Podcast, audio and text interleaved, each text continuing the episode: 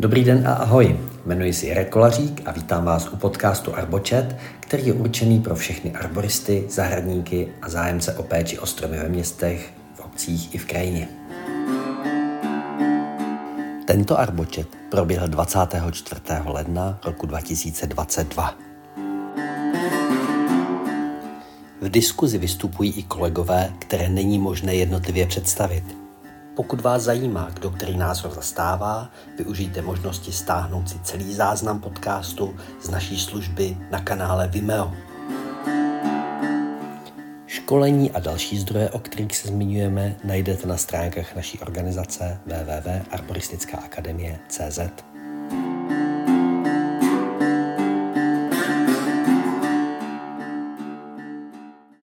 Dobrý večer, vítejte u Arbočetu. A teď už předám slovo Michalovi Zelňákovi. Dobre, díky moc. Budeme sa rozprávať na tému rigging a konkrétne o riggingových kladkách. V podstate rigging zhruba väčšina arboristov to používa, teda aspoň sa tvária, že to používajú, alebo si myslia, že to používajú. O tej podstate a všetkých tých teoretických a technických záležitostiach sa pravdepodobne nie všetci v dostatočnej miere zamýšľajú je to v podstate o fyzike. Fyzika je predmet, ktorý väčšina ľudí na základnej a strednej škole nemali radi. Ja takisto, dneska to lutujem, že som viac nedával pozor, musel som to všetko doháňať, aby som vlastne teraz aspoň zhruba vedel, čo robím, alebo čo robíme. A rigging je anglické slovo, keď si dáte do Google Translatoru, vybehne vám takeláž, hej, je to v podstate z jachtingu. Uh, u nás je to vlastne viazanie bremien. Treba sa zamyslieť aj nad tým, že v podstate aj pri praktickej arboristike by ste mali mať absolvovaný kurz viazača bremien. Pre niektorých to bude novinka, pre niektorých nie. Niektorí z nás majú tento preukaz, majú ho, niektorí absolvovali kurz viazača bremien. Všetkým to vrelo odporúčam, naučíte sa veľa dôležitých vecí, hlavne o tom, ako tie bremena navezovať a o tom, ako vlastne s nimi nakladať. Kedy používame rigging? Rigging používame v podstate drve väčšine pri výruboch a hlavne pri výruboch, keď je, není voľná dopadová plocha.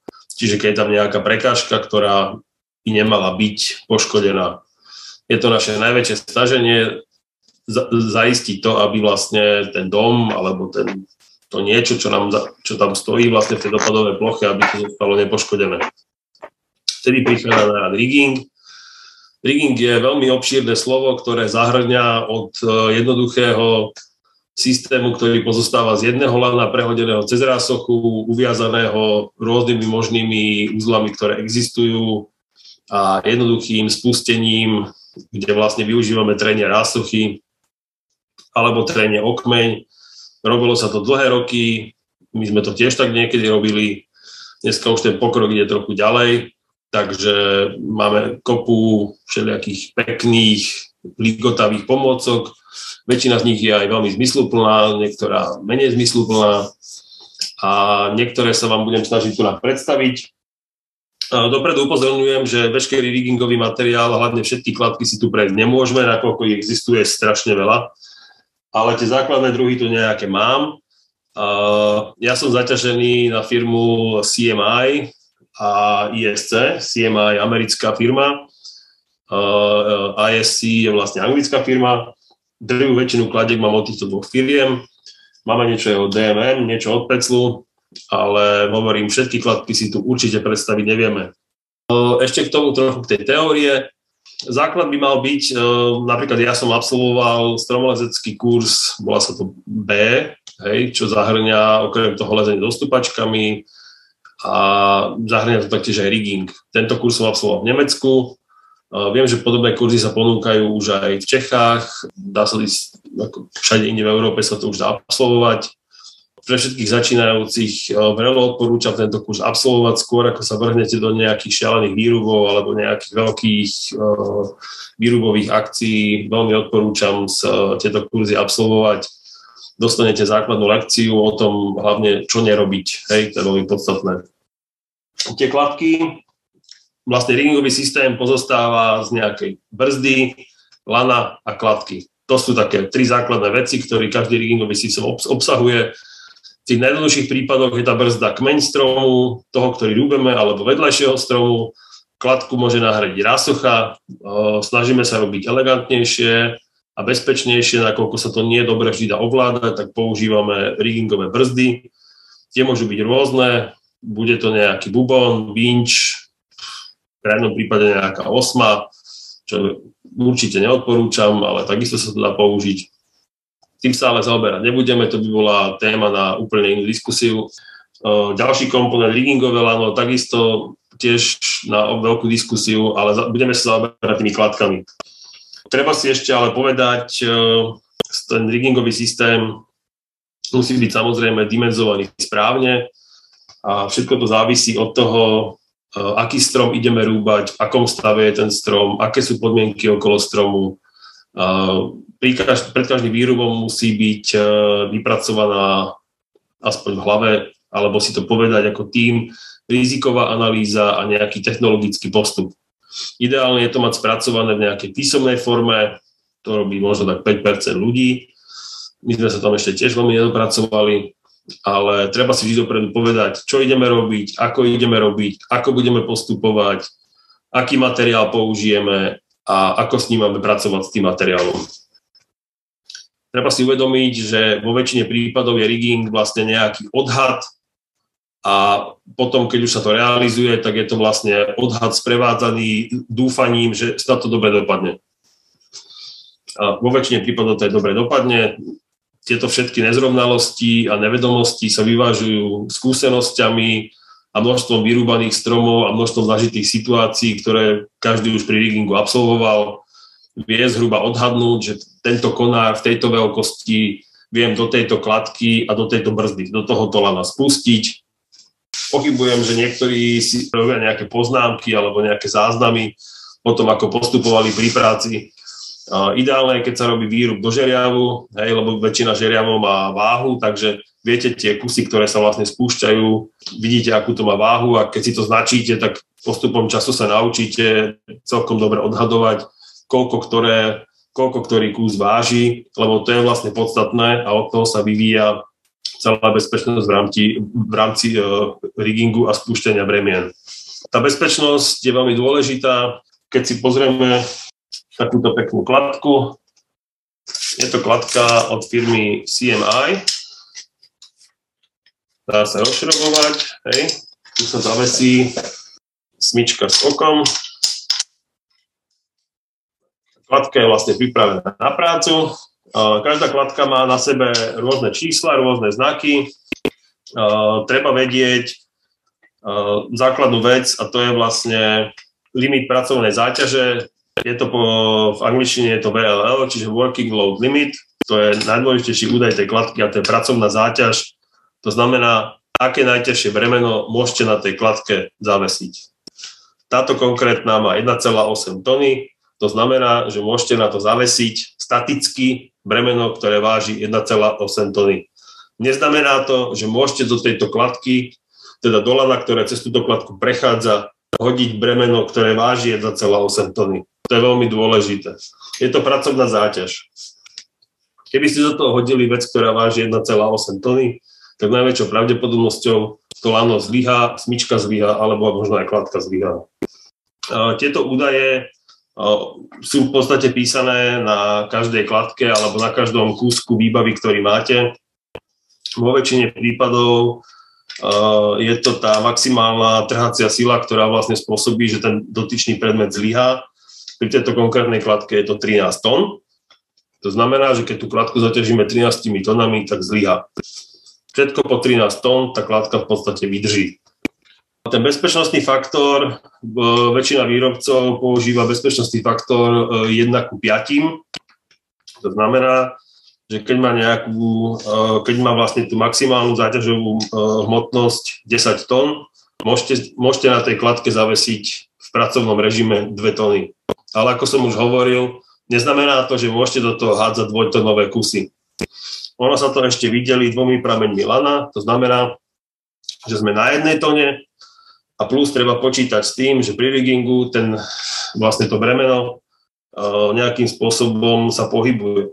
V podstate ho zhodíte z kmeňa ten, ten kus toho kmeňa letí dolu, hojdá sa na tom lane a to je takisto určitý faktor, tiež sa to berie 1 ku 5. Čiže v podstate môžete do 10 tonovej kladky bezpečne hodiť poltonový kus. Samozrejme, pokiaľ chcete do nejakej kladky hádzať poltonový kus kmeňa, musíte mať veľmi skúsených ľudí, ktorí vedia, ako správne tieto takéto veľké záťaže spúšťať. Nakoľko, keby sa im to nejakým spôsobom zaseklo, tak určite by došlo k zlyhaniu niektorej časti e, toho riggingového systému. Taká klasika, s čím sme začínali a s čím robí, s čím robí ešte takisto veľa ľudí, je obyčajná karabína, hej, hodíme cez to lano, karabínu dáme do smyčky, spúšťame cez to, je to OK. Pokiaľ sú to nejaké malé konáre, alebo nejaké menšie kusy kmeňa, môžeme to kľudne uh, robiť aj týmto spôsobom. Treba samozrejme vychádzať z toho, že to trénie, ktoré tu nás vzniká, musíme nejakým spôsobom zohľadniť. Nakoľko kladka, preto sa aj volá kladka, lebo má pohyblivú časť, čiže tu nám dochádza podstate nulovému treniu, hej, ako určite ma niekto chytí za slovo, nazvime to, že je to nulové trenie, nejaké tu určite je, nakoľko sa tá pohyblivá časť nejakým spôsobom točí okolo tej osy, takže nejaké trenie tam je, ale dajme tomu, že je tam nulové trenie, takže nedochádza tu na žiadnemu absorbovaniu tej sily. Pri riggingu potrebujeme vlastne tú pohybovú silu toho telesa, ktoré zhadzujeme z hora, premeniť na tepelnú energiu na brzde dolu. Tie kladky, ktoré používame, by mali byť e, okrem iného v podstate na to určené. Určite neodporúčam používať pri riggingu kladky, ktoré sú určené na osobné istenie, nie je to tým, že by to tie, tie kladky nevydržali, samozrejme iba pri malých bremenách, nakoľko na osobné istenie sú kladky iba do nejakých 2,2 tony. Na nejaké menšie veci by sa to používať dalo. Uh, problém ale je v tom, že v žiadnom prípade nesmiete miešať uh, osobné ochranné pracovné prostriedky s pracovnými prostriedkami. Neodporúča sa to, nakoľko pri pracovnom zaťažení pri riggingu môžu vznikať, uh, môže vzniknúť poškodenie, a keby ste takú platku potom používali pri osobnom zabezpečení, mohlo by to zlyhaniu a následne k nejakému úrazu. A z tých malých kladiek, e, taká klasika, toto síce není Pinto Rig, ale vyzerá to takto isto, je to fialové, väčšina z vás to pozná, viacerí to majú, je to výborná kladka na malé veci, e, veľmi kompaktná, mobilná, e, veľmi rýchlo inštalovateľná, použiteľná pri spúšťaní suchých veľkých konárov, hoci kedy veľmi praktické, väčšina ľudí to pozná, takže veľmi dobrá kladka, je to od firmy DMM. Potom sú tu také staré dobré klasiky, hej, to je ISC, toto je od Kongu. To sú kladky, ktoré majú MBS, čiže ten, eh, tú maximálnu eh, záťaž okolo 4-5 tón. Eh, sú to dobré kladky, ale sú použiteľné iba ako sekundárne kladky. Čo to je sekundárna kladka? Keď rúbeme strom, teda my, my pri práci používame jednu centrálnu veľkú kladku, ktorá je nainštalovaná na optimálnom mieste v strome, ktorá potom bude slúžiť na spúštenie kmeňových častí. A následne, keď e, rozoberáme konáre v periférii, tak si inštalujeme niektorú z týchto menších kladiek. Tu najväčšiu záťaž pohotí tá veľká riggingová kladka, táto malá kladka poslúži vlastne na e, sekundárne pohotenie e, energie a na presmerovanie, aby sme konár dostali tam, kde chceme ho dostať. Ešte k tej stavbe tých kladiek, táto kladka v podstate má tie bočné steny fixné, hej, lebo je to zošrobované, tie steny sa hýbať nedajú. A tieto typy kladiek majú pohyblivé steny, Hej. Takisto lano sa tam inštaluje tak, že vlastne otočíte tie steny, založíte lano a dáte karabínu. Tieto typy kladiek musia byť uchytené buď karabínou, alebo nejakou omegou, alebo nejakým iným šrobovacím elementom. Tu potom dochádza, názory sa na to rôznia, odporúčam, pokiaľ je kladka hliníková, používať na to hliníkový, hliníkový kus z karabínu na uchytenie. Každopádne mal byť hliník na hliník, neodporúča sa, aby išiel, aby ste dávali ocelovú karabínu na hliníkovú kladku. Čo sa môže stať?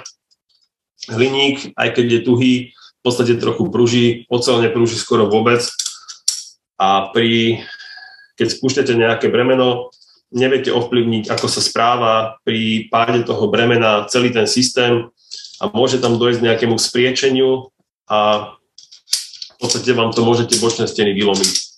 Preto tieto kladky s týmito pohyblivými stenami používame vždy ako sekundárne kladky, nikdy nie ako hlavné, nakoľko do tých hlavných kladiek e, spúšťame už tie príliš veľké záťaže a naozaj to veľmi neodporúčam pri veľkých záťažách používať e, hliníkové kladky s pohyblivými stenami. Treba si na to dávať pozor. E, môže sa stať, že by sa vám to mohlo nejakým spôsobom spriečiť, zlomiť a potom zlyhať. Pokiaľ máte tieto kladky s pevnými stenami, ktoré sú vlastne uchytené na, tejto, na, na lanových smyčkách, tam nejakým spôsobom nedochádza k tomu, že by sa to mohlo nejakým spôsobom spriečiť alebo nejakým, nejak skrútiť tá kladka, hej, tá kladka je stále pevná a uh, smyčka je v tom hornom uchytení a lano je vždy v tom dolnom. Takže pokiaľ to nainštalujete správne, nemôže dojsť k žiadnemu následnému zlyhaniu.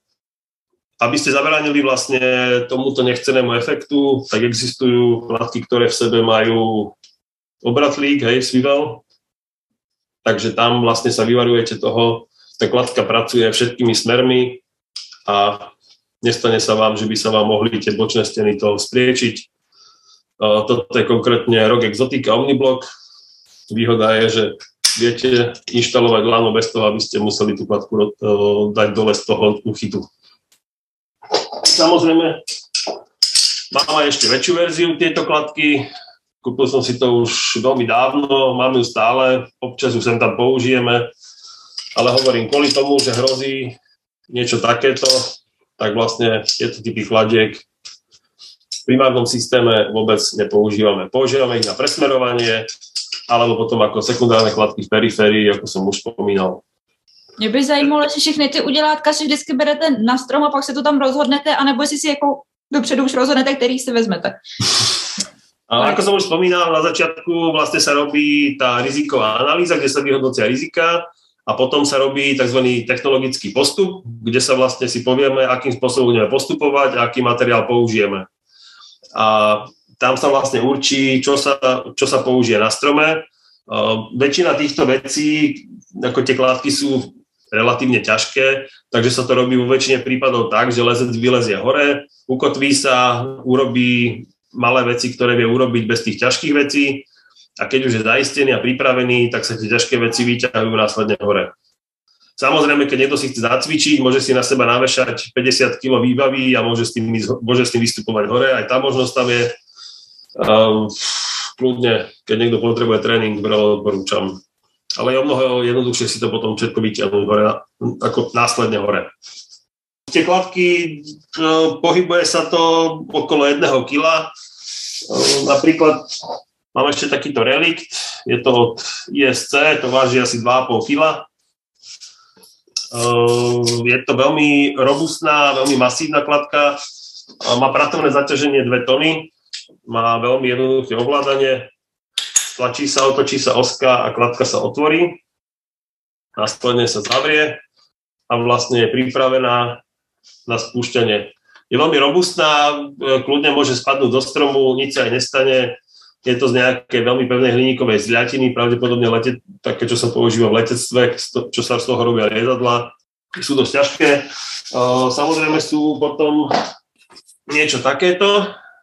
Novinka od firmy CMI, hovorím CMI je moja obľúbená firma, princíp je ten istý, je tam oska, ktorá sa stlačí, kladka sa otvorí. Je to udivujúce, tá kladka je v podstate menšia ako moja ruka, ale má pracovnú záťaž 4,5 tony.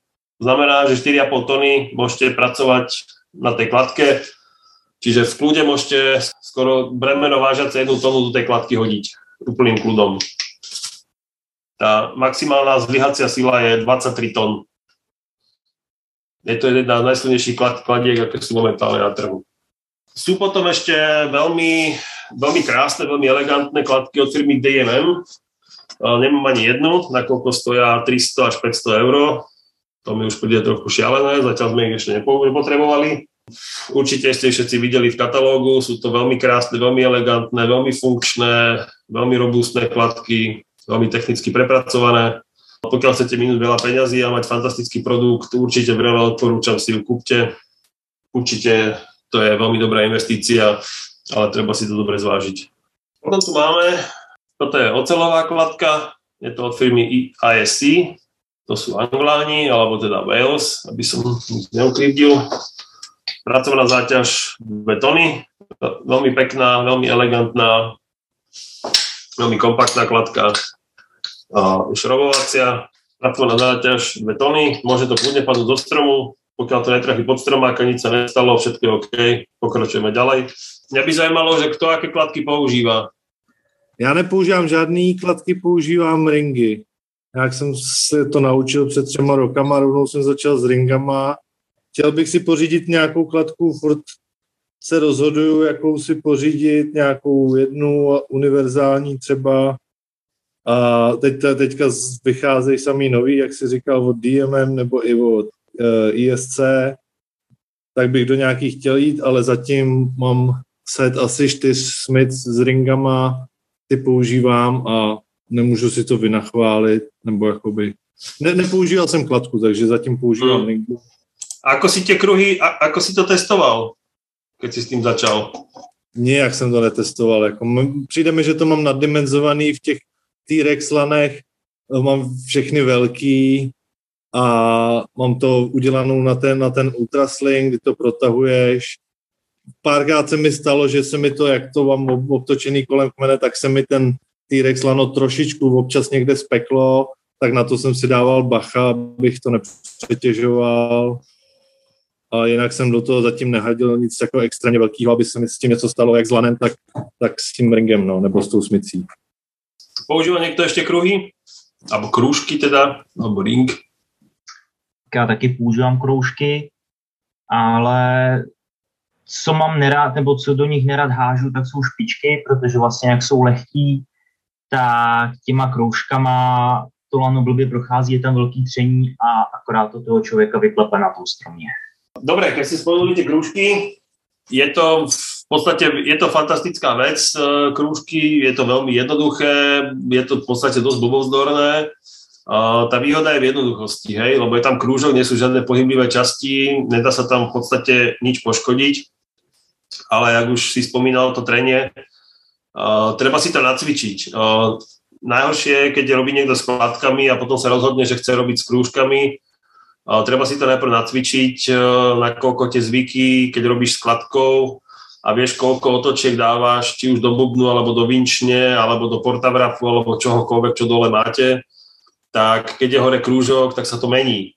Hej, treba si uvedomiť, že tie kružky vlastne robia už hore trenie, čo kladka nerobí. Výhoda ale je, že sa vlastne tým, že to trenie vzniká hore, tak sa znižuje sa záťaž na ten kotevný bod, lebo keď vzniká trenie iba dole na brzde, tak samozrejme sa kotevný bod zaťažuje dvojmo.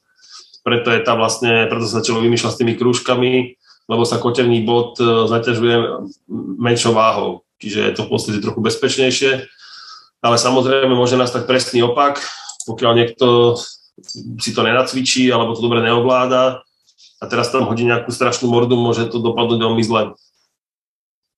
Ja kružky nepoužívam, mám iba jeden, ktorý som volá kedy dostal, ale ešte som ho nepoužil, nakoľko je veľký asi ako moja hlava. A myslím, že by som do neho mohol pustiť tank. Má to pracovnú záťaž 12 tón. Dostal som ho od pána Drajera, mám ho vystavený na poličke, je pekný, akože fakt je pekný. Myslím, že to lano, ktoré by som na to musel použiť, by stálo dosť veľa, tak preto som to zatiaľ do žiadneho lana nedal. Čo ale, ne, ako, použil som zatiaľ málokrát, ale má to princíp ako krúžky. Bola sa to Schwabenrolle, čiže švábská kladka, ktorá pochádza z Nemecka. Vyzerá to ako kladka, ale je to nepohyblivá kladka. Ale princíp je ako u krúžku, hej. tiež sa tu zavesí smyčka a má to vlastne kruh, ktorý je fixný, ale má to tvar kladky. Hej, princíp je ten istý ako pri kruhoch, ale vyzerá to ako kladka.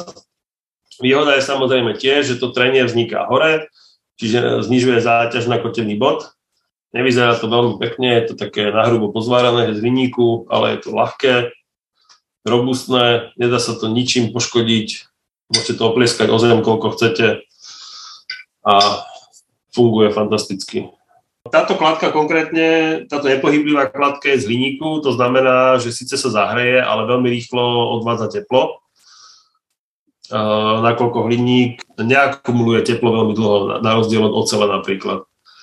Preto napríklad je výhoda mať hliníkový portaverap, neocelový, lebo hliníkový rýchlejšie vychladne ako ocelový. Nakoľko keď je portaverap, alebo teda brzda, keď je zohriatá, tak tie parametre toho trenia sa trochu menia, to spúšťanie je trochu iné. Čiže pokiaľ potrebujeme v rýchlom slede za sebou spúšťať viacero vecí, tak by mohol nastať nejaký menší problém. Takže preto hliníkové veci rýchlejšie odvádzajú teplo ako ocelové, takže pri tom hliníku, samozrejme, keď tam hodíš nejakú strašnú mordu a príliš to zabrzdíš, tak uh, sa ti môže stať, že sa vytvorí snake skin, ako hadia koža. To znamená, že to lano sa ako keby tak zosklovatie, až sa z toho odlúpi, také ako vyzerá to ako hadia koža niekedy. To ale většinou vedie k tomu, že to lanuje potom na odpis. Chtěl jsem se zeptat, eh, jak řešíš údržbu? Čistíš to nějak, mažeš? Uh, chceš počuť, čo hovorí výrobca, ale ako, ako to robíme naozaj? Tak, praxe mě zajímá. Praxe? Nijak. Mm-hmm. Dobře. Uh, takto, uh, priznám sa, že kladky som ešte nikdy neumýval, nakoľko kladky sa nepríliš často špinia. Uh, môže sa stať, že niekedy sa nejakým spôsobom zašpinia, ale túto, ktorú som už ukazoval, tu mám už asi 15 rokov a v živote som ho nečistil. Vyzerá takto. A dlhé roky bola v, vo veľmi intenzívnom používaní. Hej, čiže tie kladky, neviem si ani predstaviť, akým spôsobom by sa zašpinili. Môže byť, že pri iličňanoch, pokiaľ je tam strašne veľa živice a je aj živicové lano, tak sa tá kladka môže zašpiniť, takže tam by som potom zvažoval nejaké vyčistenie ale myslím si, že všetci výrobcovia uvádzajú, že nejaká jemne mydlová voda, nejaká hubka vyčistiť to. Čo určite veľa odporúčame, občas tie kladky namazať. Samozrejme nie vedečkom alebo podobnými vecami. Buď treba použiť nejaký uh, olej na zbranie alebo niečo podobné alebo ako olej na šiace stroje alebo niečo podobné. Ako to občas není zlé do tých kladiek streknúť, ale to je asi tak všetko, čo sa týka údržby. Hej. Ale hovorím, pokiaľ je nejak silno špinavá od nejaké živice, tak samozrejme treba to vyčistiť. Jaký lana používáš na to spouštění? Jestli klasický statiky nebo přímo lana na spouštění? Na začiatku veľmi dlho klasický Lanex 13 alebo 12 ale dosť to ničilo niektoré hliníkové časti spúšťacieho systému a potom som prešiel na Búrob. Búrob je vlastne typ lana, není to nejaký produkt konkrétny, je to typ lana, tých výrobcov je niekoľko. Uh, mám, nejaké, mám Teufelberger a teraz som začal skúšať kurant. Uh, používam 14 uh, ešte si chcem dokúpiť 12 ale 14 je maximum, ktoré som kedy využil. Neviem, viem, že niektorí ľudia majú dokonca 16, 18, 20, neviem, čo s tým spúšťajú, to už musí byť možno tank alebo niečo podobné, ale 14 je podľa mňa úplne dostačujúce lano v európskych pomeroch, ako silnejšie si myslím ani nepotrebuješ. Odporúčam tieto spúšťacie lana používať, lebo pokiaľ použiješ nejakú klasickú statiku, tak opotrebenie toho materiálu v tom riggingovom systéme bude dosť intenzívne a určite neodporúčam, boli už také nápady, niekto použil Dynimu alebo nejaké podobné lana, Nedopadlo to dobre. Viem, že urobili do Portavrapu závit s tým lanom. Takže tieto úplne tvrdé statické lana v žiadnom prípade neodporúčam. Určite musí byť to semistatické, aby tam bola aspoň 2% prieťažnosť. 2% síce nie sú veľa, ale v tom riggingovom systéme tie 2% je to cítiť a šetrí to ten systém. Ešte som mal skúsenosť, jeden kamarát mi dávno ponúkal bola to kopia tých e, lán typu Búrov z firmy Gilmont. Bolo to síce veľmi lacné, ale to bola jediná výhoda toho lana. E, veľmi veľká nevýhoda bola, že to nemalo v podstate tí výrobcovia, ktorí vlastne vyrábajú tieto riggingové lana, používajú na finál, ako na finál nejakú povrchovú úpravu, ktorá vlastne zabezpečí to, že keď to riggingové lano, ono, riggingové lano strašne trpí. Ťaháš to po kmeni, ťaháš to po zemi, šúcha sa to po bubne, po brzde, hej, tam trenie, teplo stále tam nejaký bordel, hej, zase sa to šúcha po kmeni a v podstate to lano je stále kompaktné, není z toho, nie sú z toho vyťahané žiadne vlákna a to všetko zaručuje na záver výroby toho lana nejaká špeciálna povrchová úprava.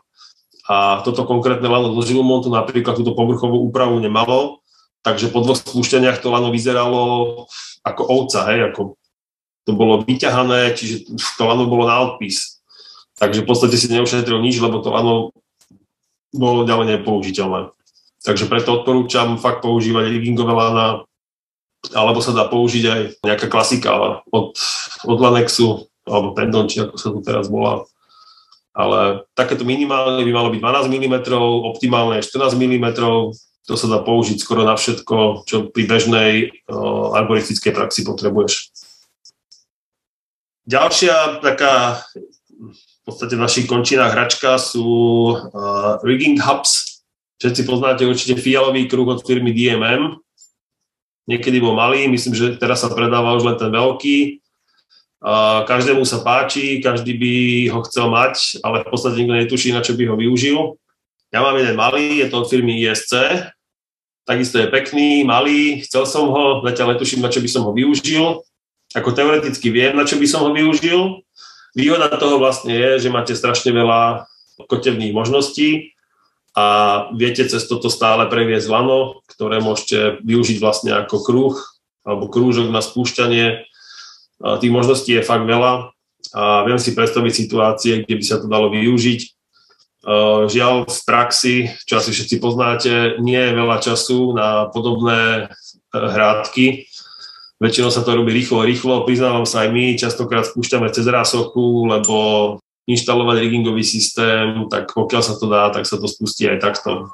Moc sa s tým nechválim, ale robí sa to. Myslím si, že ostatní to určite robia takisto pokiaľ ten strom je takisto, pokiaľ ten strom je na výrub, tak s tým ani není problém, že by sa nejakým spôsobom poškodzovalo kambium, hej.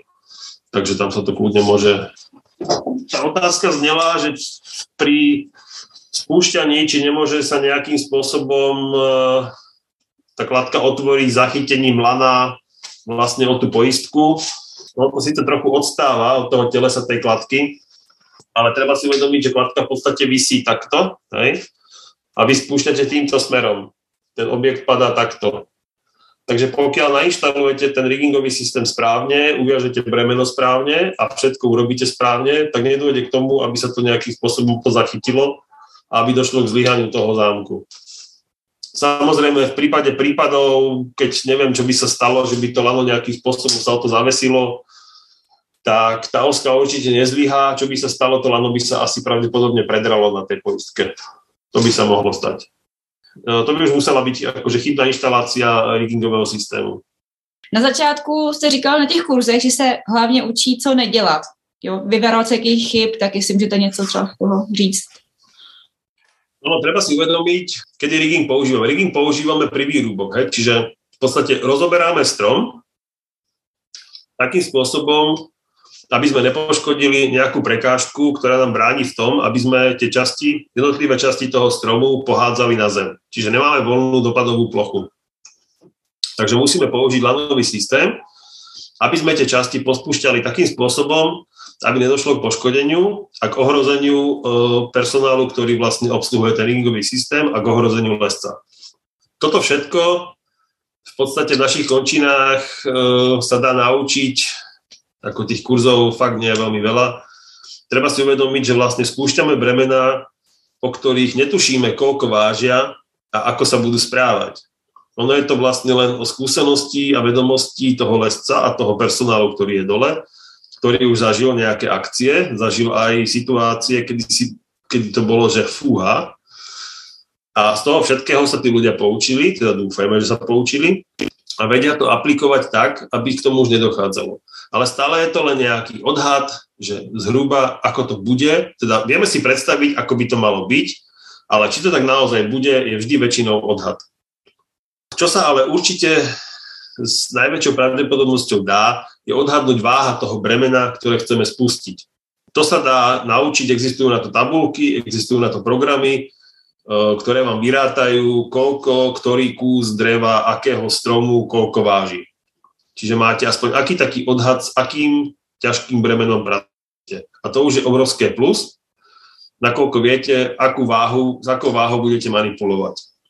Toto funguje celkom dobre pri kmeni alebo hrubých konároch. Horšie je to, keď spúšťate časti koruny, kde máte jemné konáre, alebo nebodaj keď sa to rúbe s listím, alebo pri ličnatých stromoch, niektoré konáre ličnatých stromov sú fakt, že veľmi ťažké, napríklad taká dublaska, určite ste viacerí dublasku zrúbali, taký konár, ktorý má priemer 10 cm, ten vie byť s prepačením kurevsky ťažký. A už si viacerí určite namohli niektorý sval v ruke, keď sa ho snažili udržať v ruke. Je dobré sa nejakým týmto smerom nejak sa vzdelávať, pýtať si, ako odhadnúť váhu vlastne toho bremena, ktoré chceme spustiť Existujú na to nejaké tabulky, existuje na to aj program. Chalanisko bez mikrofónu sa pýta, uh, ty myslíš to aerial friction brake? Také, taký čierny bazmek, vyzerá to ako kladka. Raz som to skúšal, je to v podstate ten istý princíp ako krúžky, je to ten istý princíp uh, ako táto švábska kladka s tým, že si tam vieš uh, to lano dať buď raz alebo dvakrát. A je to v podstate takto isté to trenie vlastne prenášaš na kotevný bod a znižuješ záťaž kotevného bodu. Ako je to celkom fajn záležitosť, ale nebolo to niečo, čo som si povedal, že to musí mať. Teraz zatiaľ ma to veľmi nepresvedčilo. A áno, dá sa to použiť tak, že nemusíš mať dole žiadnu brzdu, ale je to len pri, pri tých ľahších veciach. Keď sa rozoberá periféria koruny, tak je postačujúca iba táto AAFB. Takisto aj keď máš, e, niekto to tu spomínal, že má krúžky, existujú také platné stromy krúžkami, kde sa to poprevlieka, tam pri tých ľahších veciach takisto postačuje, keď máte len toto vlastne v korune, nemusíte mať dole žiadnu inú brzdu, ale pri tých ťažších veciach už e, je potom potrebné mať dole nejakú, nejaký bubon alebo portavrab alebo niečo podobné. A samozrejme, treba si to veľmi dobre natrénovať. Ideálne keď uh, máte strom s voľnou dopadovou plochou, tak vtedy treba trénovať takéto veci, niekedy máte dole skleník alebo nejakú verandu, uh, vtedy to neodporúčam trénovať akékoľvek veci pri riggingu. Dobre, ešte tu máme jednu malú kladku, ale neverili by ste ma pracovnú záťaž 2 tony.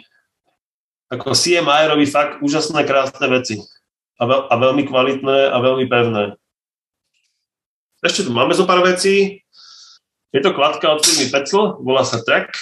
A viacerí to poznáte z lanových centier, ale bolo to v podstate vyvinuté ako kvázi taká malá lanovka.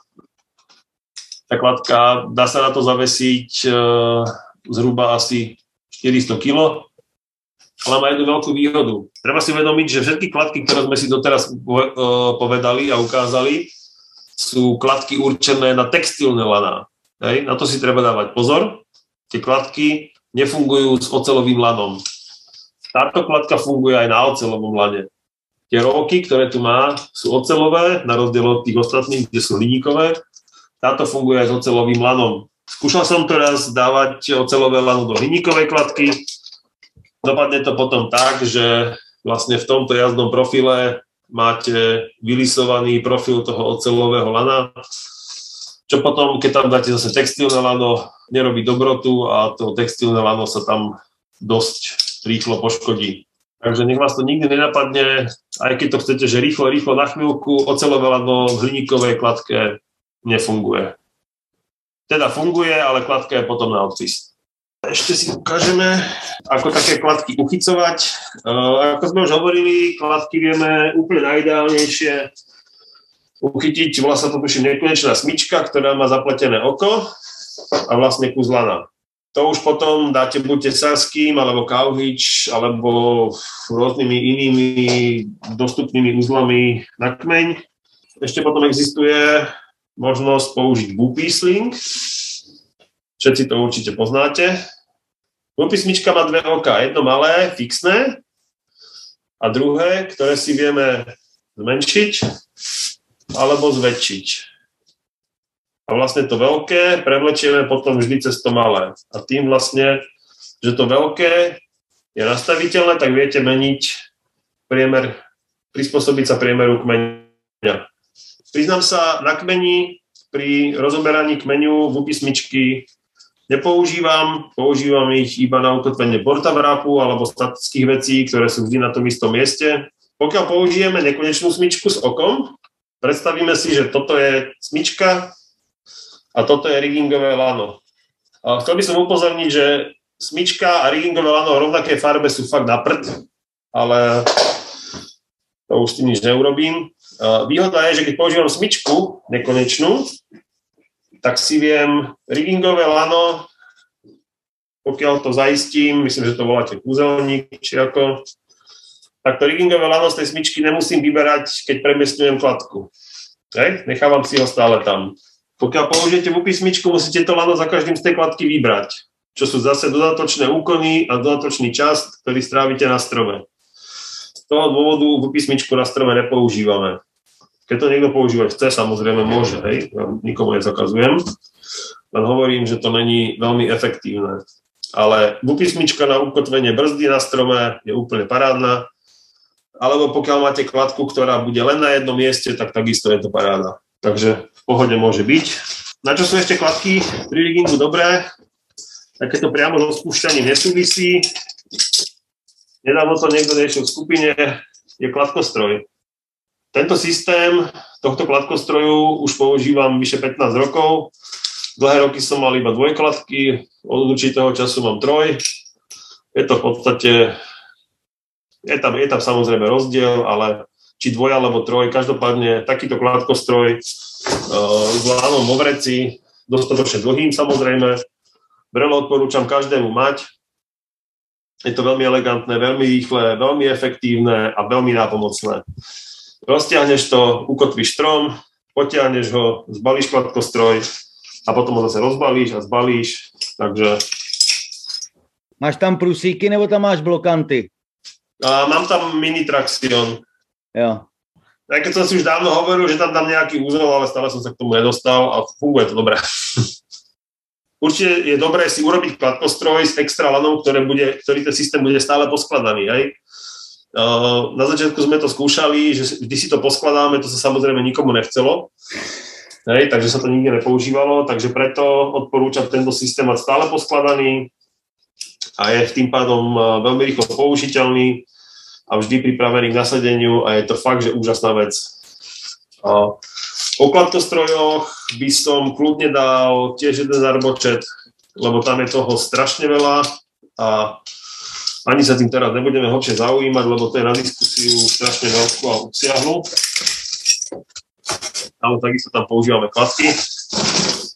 Jaký používáš třetí zařízení na kmeni, potom dole na lamo? Veľmi dlhé roky som používal eh, hliníkový portavrat, eh, stále ho mám a za mňa je to stále naj, v podstate to najlepšie, čo existuje, najefektívnejšie. A to z toho dôvodu, Bubon je samozrejme veľmi robustný, veľmi pevný, môžeš do toho nahádzať, čo chceš, ale musíš ho nainštalovať na pevno. Keď to potrebuješ teraz sa presunúť na druhú stranu kmeňa, musíš ten bubon preinštalovať. Kdežto portavrap, vieš, len otočíš smyčku a máš ho na druhej strane. Z tohoto istého hľadiska portavrap tým, že je na smyčke, tak vlastne toleruje určite výkyvy toho systému, čo by síce nemalo byť, ale niekedy sa to stáva Portabram má pracovnú záťaž jednu tonu, čiže v podstate je dosť robustný. Ocelové sú samozrejme ešte pevnejšie ako hliníkové. Hliníkový má tú výhodu, uh, tú teplo, uh, to teplo, odvádza ho o, mnoho rýchlejšie, čiže keď máš viacero spúšťaní v brichom slede za sebou. Ale či už hliníkový alebo ocelový portabram je podľa mňa najuniverzálnejší spúšťací, spúšťacia brzda pre arboristov. Samozrejme, keď už sa ide do veľkých priemerov, veľké kusy kmeňu, tak tam už je dobrý ten bubon.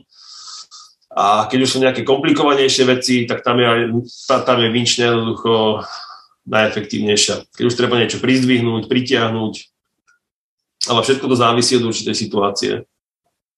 Ale samozrejme robíš tým, čo máš a robíš, snažíš sa to robiť čo najlepšie.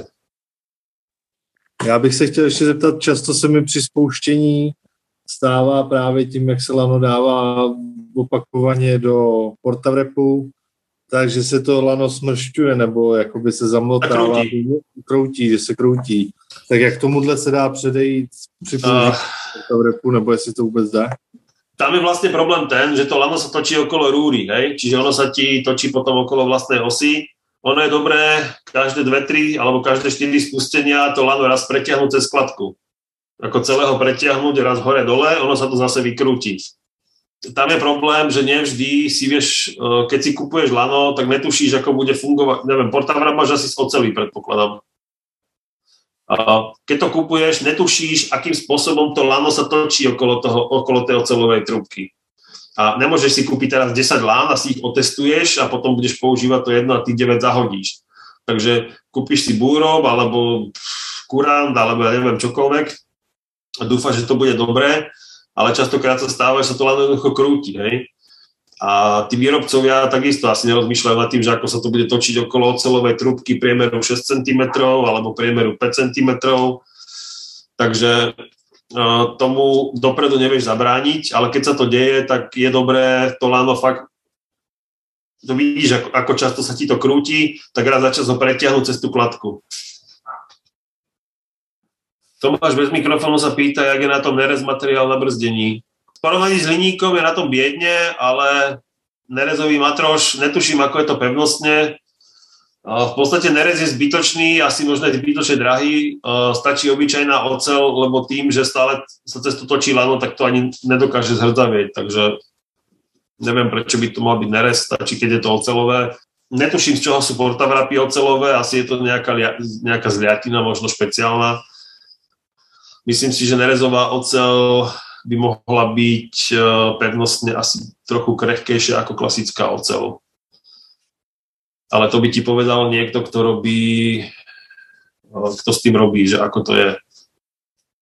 Myslím si, že nerezová ocel je krehkejšia ako klasická ocel, ale to, to, si, to si myslím, že som si úplne istý. Myslím, že nerezové oceli chýba tá pružnosť, ktorú má klasická ocel. A to je dosť dôležité lebo keď spustíš bremeno, tam dojde k tomu uh, ten impact load a to, to treba nejakým spôsobom absorbovať. A nerez je dosť, dosť taký, uh, nerezová ocel je tuhá.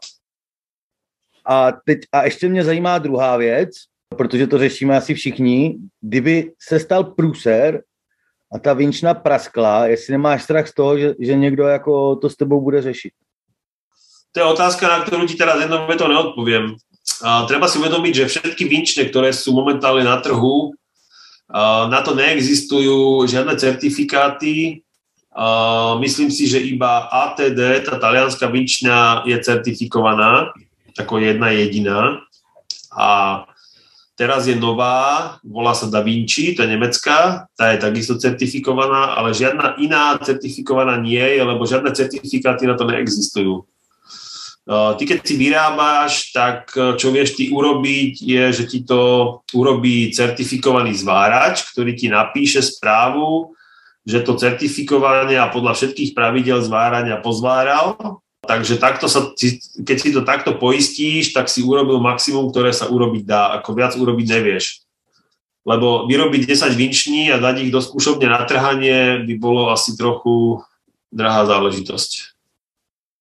Že ono tohle samé je u bubnu, který třeba my ho máme dělaný, my teda máme spoustu věcí spíš naddimenzovaných, ale i tak ten svářeč samozřejmě měl všechny svářecké zkoušky, ale i tak říkal, jestli do toho pustíte něco velkého, může se stát cokoliv, že jo, to je jasný, zvlášť, když to používáš. Tak by mě zajímalo, co pak, no. ono je dobré robiť všetko preto, aby sa nestalo to pak. Uh, samozrejme, aj my sme už robili, akože tiež som robil z určité akcie, kde sa, neviem, ako najťažší kus, ktorý som, ako, ktorý som kedy spúšťal, mal 1,6 tony. Musí byť, e, musí byť dobrý lezec, ktorý to dobre napíli, musí byť dobrý spúšťač, ten materiál musí byť za to správne nadimenzovaný. Tam je strašne veľa faktorov. Hovorím, že toto, e, celý rigging v arboristike u väčšiny, druhej väčšiny ľudí je len o odhade a dúfaní, že to dobre dopadne. No to je jasný, no. Tak ono jde taky o to, že na jednu stranu máme váhu toho břemena, druhá věc je, e, jak ten spouštěč ti to tam pošle, že jo, to je jasný, jestli to veme na tvrdo, nebo tomu nechá nějaký prostě průtah a tak dále, protože pak se ty rázové síly samozřejmě jakoby násobějí. A samozřejmě ten, jako jestli, když se lže buben, tak to považuji za absolutní náhodu, protože dřív čísel, že minimálně smice, na kterou to máš navázaný, anebo lano. Uh, takto, uh, čo by určite vždy malo zlyhať, keď nastane situácia, je lano. Uh, žiadny iný, žiadna iná časť riggingového systému nesmie zlyhať. Nesmie zlyhať kladka, nesmie zlyhať smyčka na kladku, nesmie zlyhať brzda, ani smyčka na brzdu, ani uchytenie brzdy. Prečo? Keď ti zlyhá uchytenie brzdy, tak zabiješ lesca tou brzdou hore. Keď ti zlyhá smyčka alebo kladka, tak zabiješ pozemáka tou kladkou, ktorá letí dolu. Čo mo- musí zlyhať a čo musí byť najslabšie miest, najslabší článok systému je lano. Vždy to treba dimenzovať tak, aby lano bol najslabší článok systému. Čiže máš 20-tonovú smyčku, 20-tonovú kladku, ale 10-tonové lano. Nemôžeš mať 20-tonové lano a 10-tonovú kladku. Hej, to je základný princíp riggingu. Najslabší článok musí byť vždy lano. Ono, v podstate všetci my fungujeme na tom, že uh, niektorí z nás robili už veľa výrubov, už vieme, ako čo zhruba, keď odpíliš taký konár, vie, že poletí takto, zaťaží to takto. No, základná otázka je, koľko otáčok. Hej? To, rieši, to, to riešime všetci. Koľko otáčok? No, priznám sa, že viac ako dve sú blbosť. Keď sa niekto natočí 4, no tak ako to je koniec. A paradoxne, čím vyšší kotviaci bod, tým je to lepšie. Čím vyšší kotviaci bod, tým ťažšie veci môžeš do toho hádzať, lebo čím dlhšie to letí, tým viac energie to pohľcuje. Uh, najhoršie sú tie ťažké kusy na záver, hej? Keď máš 10 metrov a chceš dať dvojmetrový kus, fú, to už je strašne hraničné. Nelen, že to je ťažké, ale nemáš žiadnu, nemáš žiadnu uh, žiadnu vzdialenosť na to, aby jednoducho ten kus nejakým spôsobom letel. Lebo obrazne povedané, potrebuješ pohybovú energiu premeniť na tepelnú, hej, to sa musí dole v tej brzde spáliť. A na to potrebuješ vzdialenosť, aby to letelo. Keď to letí 20 metrov, super, môžeš do toho prasknúť 3 tony. Uh, treba si pozrieť uh, americkú legendu, hej, Gary Beránek, ktorí do toho praskali dvoj, trojtonové kusy. To tam lietalo zo 40 metrov, to není žiadny problém. Ako úplne, úplne najlepšie, keby, keď niekto začína, robiť si záznamy. Hej. Keby som ja znova začínal, tak si budem podrobnejšie záznamy viesť, lebo by to častokrát určité veci urýchlilo a niektoré veci uľahčilo. Fakt si robiť záznamy, že robili sme toto a toto, použili sme toto a toto, dali sme dve otáčky, jednu otáčku, lebo pamätať si to všetko nebudete, takže tu sa potom dostávame k tej ďalšej problematike, uh, pozemný personál, aj častokrát si ľudia myslia, že tam pošlu nejakého lulina, ktorý to bude spúšťať, no určite. Ako pozemák je pri riggingu takisto dôležitý ako ten, ten, čo je hore. Ale to je zase potom ďalšia oblasť. Na druhej strane, keď ten lezec hore nevie urobiť zátindok, no tak to je zase ďalšia katastrofa. Tam ani nepomôže, keď máš vinčňu, keď niekto nevie píliť, tak to je potom zase... Ako ten rigging je veľmi v podstate jednoduchá vec, ale v podstate veľmi zložitá vec.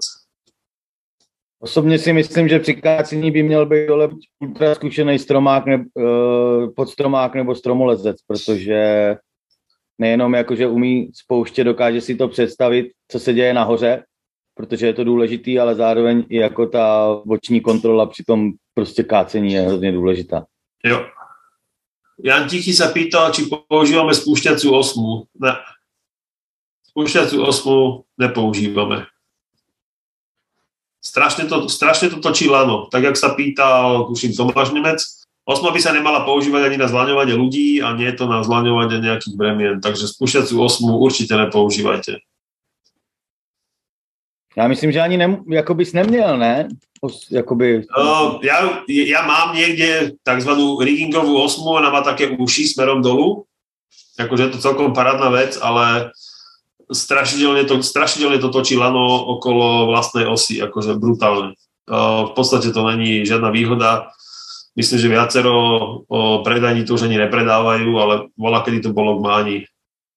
Určite to, určite to neodporúčam. To lano tým dosť trpí. Pýtal si sa, že sporadicky použiť, tak dobre, keď to použije, že teraz nič iné nemám, tak samozrejme aj spúšťacia osma je v pohode. Aj. Nebo přes záda. Vieš to už radšej okolo kmeňa iného stromu alebo toho istého. Já mám totiž jednu suprovou historku. Kamarád prostě mě dělal pod stromáka na takovým jednoduchým stromě a a je to teda horolezec, takže jako něco, jako umí pracovat s lanem, dlouhodobý horolezec. A já říkám, dej si tam aspoň osmu, protože prostě jsme nic neměli, potřebovali jsme to rychle vyřešit, právě proto jsem si na to vzpomněl. To udržím přes záda. Tak, tak jsem mu to tam poslal, slyšel jsem jenom nějaký zasíčení, udržel to, protože prostě lezec, takže věděl, že to nesmí pustit a že to musí spustit. No a pak se jenom otočil a říká, nemám tam něco. A hoši, to bych vám přál vidět. Jako to, to, já už jsem to od té doby v životě neviděl, doufám, že to nikdy neuvidím. Manželka mu to asi týden musela mazat. On měl tam normálně takový šlic, úplně přesně ten průměr toho lana, no to bylo něco neuvěřitelného. Propálilo mu to tričko, měl jenom tričko, tak to měl normálně seškvařený v tom místě a ještě na zádech. Jako. Dost dobrý. To mi pripomína, uh, neviem, starší lesci si spomenú na, na Dunferov set zlaňovanie bez mechanických pomôcok, to je niečo podobné. No. To potom ten chrbát vyzerá rovnako, ale najlepšie, keď si vajca pri tom spáliš. Hele, ale oni měli takový, ko... oni už nám to teďka neřeknou ty děci, ale oni měli takový kožený vychytávky. Jako áno, no. áno, áno. A to, to, to ti nepovedia, no. Ne, ne, ne, oni si tě vychutnají a pak ti to řeknou dole až, no. Uh, Evžen sa pýta, či sme spomínali kladku od Peclu, Spin. Nie, ale spomínali sme Rock Exotiku, ktorá vlastne už dlhé roky existuje a Pecl to vlastne skopíroval. Ne, púloďak nepoužívame v karabíne na spúštení lehčích vecí, aj keď to hasiči používajú. Problém púloďáku pri riggingu je ten, že vlastne sa strašne ničí lano a je to zbytočné. To už, ten, to už si radšej to lano omotám okolo, okolo kmeňu stromu, kde mám polomer o mnoho väčší. Alebo keď si vezmeš poloďák, tak je tam vlastne strašne malý polomer a trie sa textil o textil. A textil o textil znamená vždy prepálenie a ničenie lana. Kdežto keď to dávaš okolo kmeňa stromu, jak to chodí po tej kôre, tak to poškodenie je o mnoho menšie ako textil o textil. Takže poloďák určite ne. Michal, já se zeptám, jak často eh, po tom riggingu Eh, ty lana se samozřejmě musí kontrolovat, anebo spíš jako, když je zničíte, jak často teda dochází k tomu, že je vyměňujete, no? Priznám sa, že ešte som nikdy nevyhodil riggingové lano. Nechcem sa chváliť, ale ja viem fakt veľmi dobre spúšťať. Ako fakt viem dobre spúšťať, to je viacerí vám potvrdia. Čiže to lano dostáva minimálnu záťaž, takže strašne dlho vydrží. Uh, samozrejme sa stane, že teraz príde niekto nový a trochu to spustí nejak ináč, ale keď ty robíš, keď máš svoje vlastné riggingové lano a robíš s ním ty, alebo tvoj podzemák, alebo niekto z tvojho týmu, alebo z tvojho okolia, tak vidíš stále, čo sa s tým lanom deje. Lebo pokiaľ spúšťaš do neho stále dynamickým spôsobom, pokiaľ do neho trikrát hodíš, neviem, 300 kg na tvrdo, no tak porozmýšľam nad tým, že to lano asi vyradím. Ale pri klasickom používaní a pokiaľ není spálený oplet alebo mechanicky poškodený oplet, tak e, kľudne to vydrží celú tú dobu, ktorú vlastne výrobca udáva. Neviem, pri textilných veciach je to 5 až 10 rokov, hej. E, samozrejme pri normálnom používaní, ale e, keď používaš kladku a klasickú brzdu, tak to lano nejak strašidelne netrpí, hej. Mm. Čo je napríklad problém, to sa nám stalo nedávno, použili sme riggingové lano na ťahanie kmeňa, hej, sme ho kladkostrojom ťahali Uh, ja tam mám micrograb, ktorý vlastne uh, malou plochou tlačí veľkou silou na priemer toho lana. To je taký prvý problém, na ktorý sa zamýšľam. A druhý kmeň samozrejme padol rovno na lano a zaraz do zeme. To je druhý bod, na ktorým sa zamýšľam, že či došlo k nejakému poškodeniu. Uh, takže to som sa definitívne rozhodol, že vyčlením jedno lano, ktoré bude len ťahacie lano. Mm-hmm že nebudeme riggingové lano používať na ťahanie kmeňov. Samozrejme, keď nastane situácia, že kvôli niečomu sa niečo stalo a teraz ste to hodili na tvrdo, systém to vydržal, tak e, neexistuje na to žiadny kontrolný systém. Hej. Není to ako pri horolezectve, že máš nejaké normované pády, že si do toho trikrát spadol z 10 metrov, tak už máš iba jeden pád a potom ho vyradíš je to len na tvojom odhade a v podstate na tvojom pocite, že čo, ako, oni tie lana dosť vydržia, hej, ako to tiež treba do úvahy. A keď sa do neho dobre staráš, ja sa napríklad snažím, eh, aby lana neboli v bordeli nahádzané, keď sa balia, aby sa neťahali cez, celé, cez celú pracovnú plochu 30 metrov, keď ho niekto kufruje a ťahá ho cez piesok a cez neviem, aký bordel, aby sa nešlapalo po lanách, hej, akože myslím, že sa to volá road management, hej, lebo keď sa po ňom šlape, tak sa do neho zatláčajú uh, také mikročastice, hej, napríklad jemný piesok alebo jemný prach, to sú kryštáliky, ktoré majú ostré hrany a pod mikroskopom to vyzerá jak britva, čiže ono to potom pomaly tela nás vnútra ničí. Takže to sú takéto maličkosti, na ktoré keď si dávate pozor, tak tie lana vám dosť dlho vydržia. Samozrejme ho môžeš raz za čas namočiť do vody, poriadne ho vymáchať, vysušiť a to, to je v pohode. No, samozrejme nepoužívať aviváž a podobné veci, alebo bielidlo, to není moc dobré. Na to existuje jako i kartáč, ale s tím teda nechceš dělat. Taková, spirála, určitě jste to viděli, no dřív se to prodalo. Áno, nikdy som ju nemal, ale videl som ju už veľakrát. Už sa niekto pýtal, že či umývame kladky, hovorím kladky, akože fakt, že netreba umývať, ale ako lano občas tak raz za tri roky je celkom dobré umyť. Čo je určite dobré, tak po mokrom dní to lano nechať aspoň vysušiť. Niekde, kde vysí ne, nesušíme ho v bágli zavreté. Že... Když jsem měl lano hodně zasraný, tak jsem mu hodil prostě do pračky, úplně na studeno, prostě jako vymáchat, jo, a vyvěsil a hotovo. A ono je dobré dať to lano napríklad do na, navlečka na podušku, na polštáž. Aha. Aby vlastne, aby sa úplne strašidelne nezamotalo. Jo, jo, jo. Sú na to aj také sieťky, ktoré stoja 20 eur, ale kľudne to spraví aj tá návlečka, ako to spraví ten istý efekt. Mm-hmm. Ako je dobré to strčiť do nejakého báglu, aby sa to, lebo keď to dáš voľne, ono sa tak strašne, strašidelne šeliak zamotá. A ako, ako výrobca odporúča, aby sa to pralo v niečom. Takže... A když to máš seškvařený, tak to ale líp jede potom. Uh, no, keď máš, uh, keď urobíš hadiu kožu, tak závisí od toho, že akú hrubú si tú hadiu kožu spravil a koľkatý krát. A keď už vidíš jadro, tak uh, už potom to treba vyradiť. Ale samozrejme je to vždy veľmi efektné, keď je lano mokré a spustíš to a nad bubnom alebo nad niečím ti spraví taký obláčik, taký, taký opár, to je úplne paráda keď povedzme sa robí aj mokro, alebo zima, sneh, alebo dážď, alebo niečo, keď je lano mokré, tak si treba uvedomiť, že tam to lano brzdí úplne ináč. Hej? Tam treba počítať s tým, že to trenie bude o mnoho vyššie. Treba si to aj vyskúšať niekedy a treba sa na tým vždy zamyslieť, že keď je lano mokré, tak ono má fakt úplne iné brzdné vlastnosti. Iné, akože úplne iné trecie vlastnosti má. Takže to treba s tým počítať, aby ste potom neboli prekvapení a to len zničili. Mali sme raz jednu robotu, eh, kde sme lana extra zase namáčali, nakoľko sa to boli, neviem, asi 55 metrové smreky, dávali sa 10 metrové špičky dolu, tak tam sme tie lana namáčali, lebo ináč eh, by sa tie lana spálili, hej? takže preto sme ich namočili, sa to spustilo a to lano bolo úplne suché, hej? tá voda sa okamžite vyparila.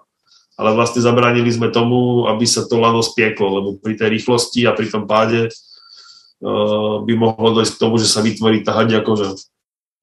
Lebo keď, to, keď sa vytvorí tá hadia koža alebo takéto sklovatenie, tak zase to ináč brzdí. Zase, tam to má zase zníženú tú brzdnú schopnosť, takže treba na to dávať pozor. Samozrejme, keď uh, dojde k tomu sklovateniu, tak sa môže, uh, mo, mo, mohol nastať aj prepálenie toho opletu. Je dobré to len raz za čas kontrolovať.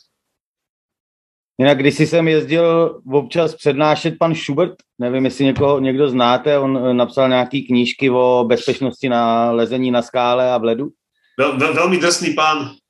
Jo, jo, jo. A ten, a ten zkoumal vlastně lana a vliv různého poškození na lano a v podstatě vyskoumal, že jediný, co lanu vadí, tak jsou mačky a raní moč. Odpolední už prej ne, ale raní jako, že jako blbý. Pán Schubert veľmi, veľmi názorne vysvetlil, čo je to pádový faktor. Neviem, či ste to niekto videli alebo počuli. On to aj skúšal sám na sebe. Jednoducho sadneš si na stôl a pokrčíš, tak, takto pokrčíš nohy a niekto ťa z toho stolu takto zhodí a ty zadkom padneš na zem bez akéhokoľvek brzdenia. A to je pádový faktor 2. A keď si nezlomíš panvu, tak si mal veľké šťastie. A on to skúšal. No, hlavně, hlavně mu bylo asi 60, když to. Nebo... Áno, áno, pán Schubert bol, neviem, či ešte žije, ale bol to ve, veľmi drsný týpek a veľmi, veľmi, veľmi drsné veci robil. A vďaka nemu vlastne aj máme výbavu, ktorú teraz máme, hej, to si treba uvedomiť. Chlapci, ďakujem za pozornosť a dievčatá. Niekdy příště. Arbočet je označovaný jako to nejlepší, co pandemie poskytla našemu oboru. Pokud i vy oceňujete přínos probíraných témat pro vaší praxi, zkuste zvážit podporu Arboristické akademie zakoupením literatury a nebo kurzů na stránkách www.arboristickaakademie.cz. Za vaší podporu a pomoc předem děkujeme.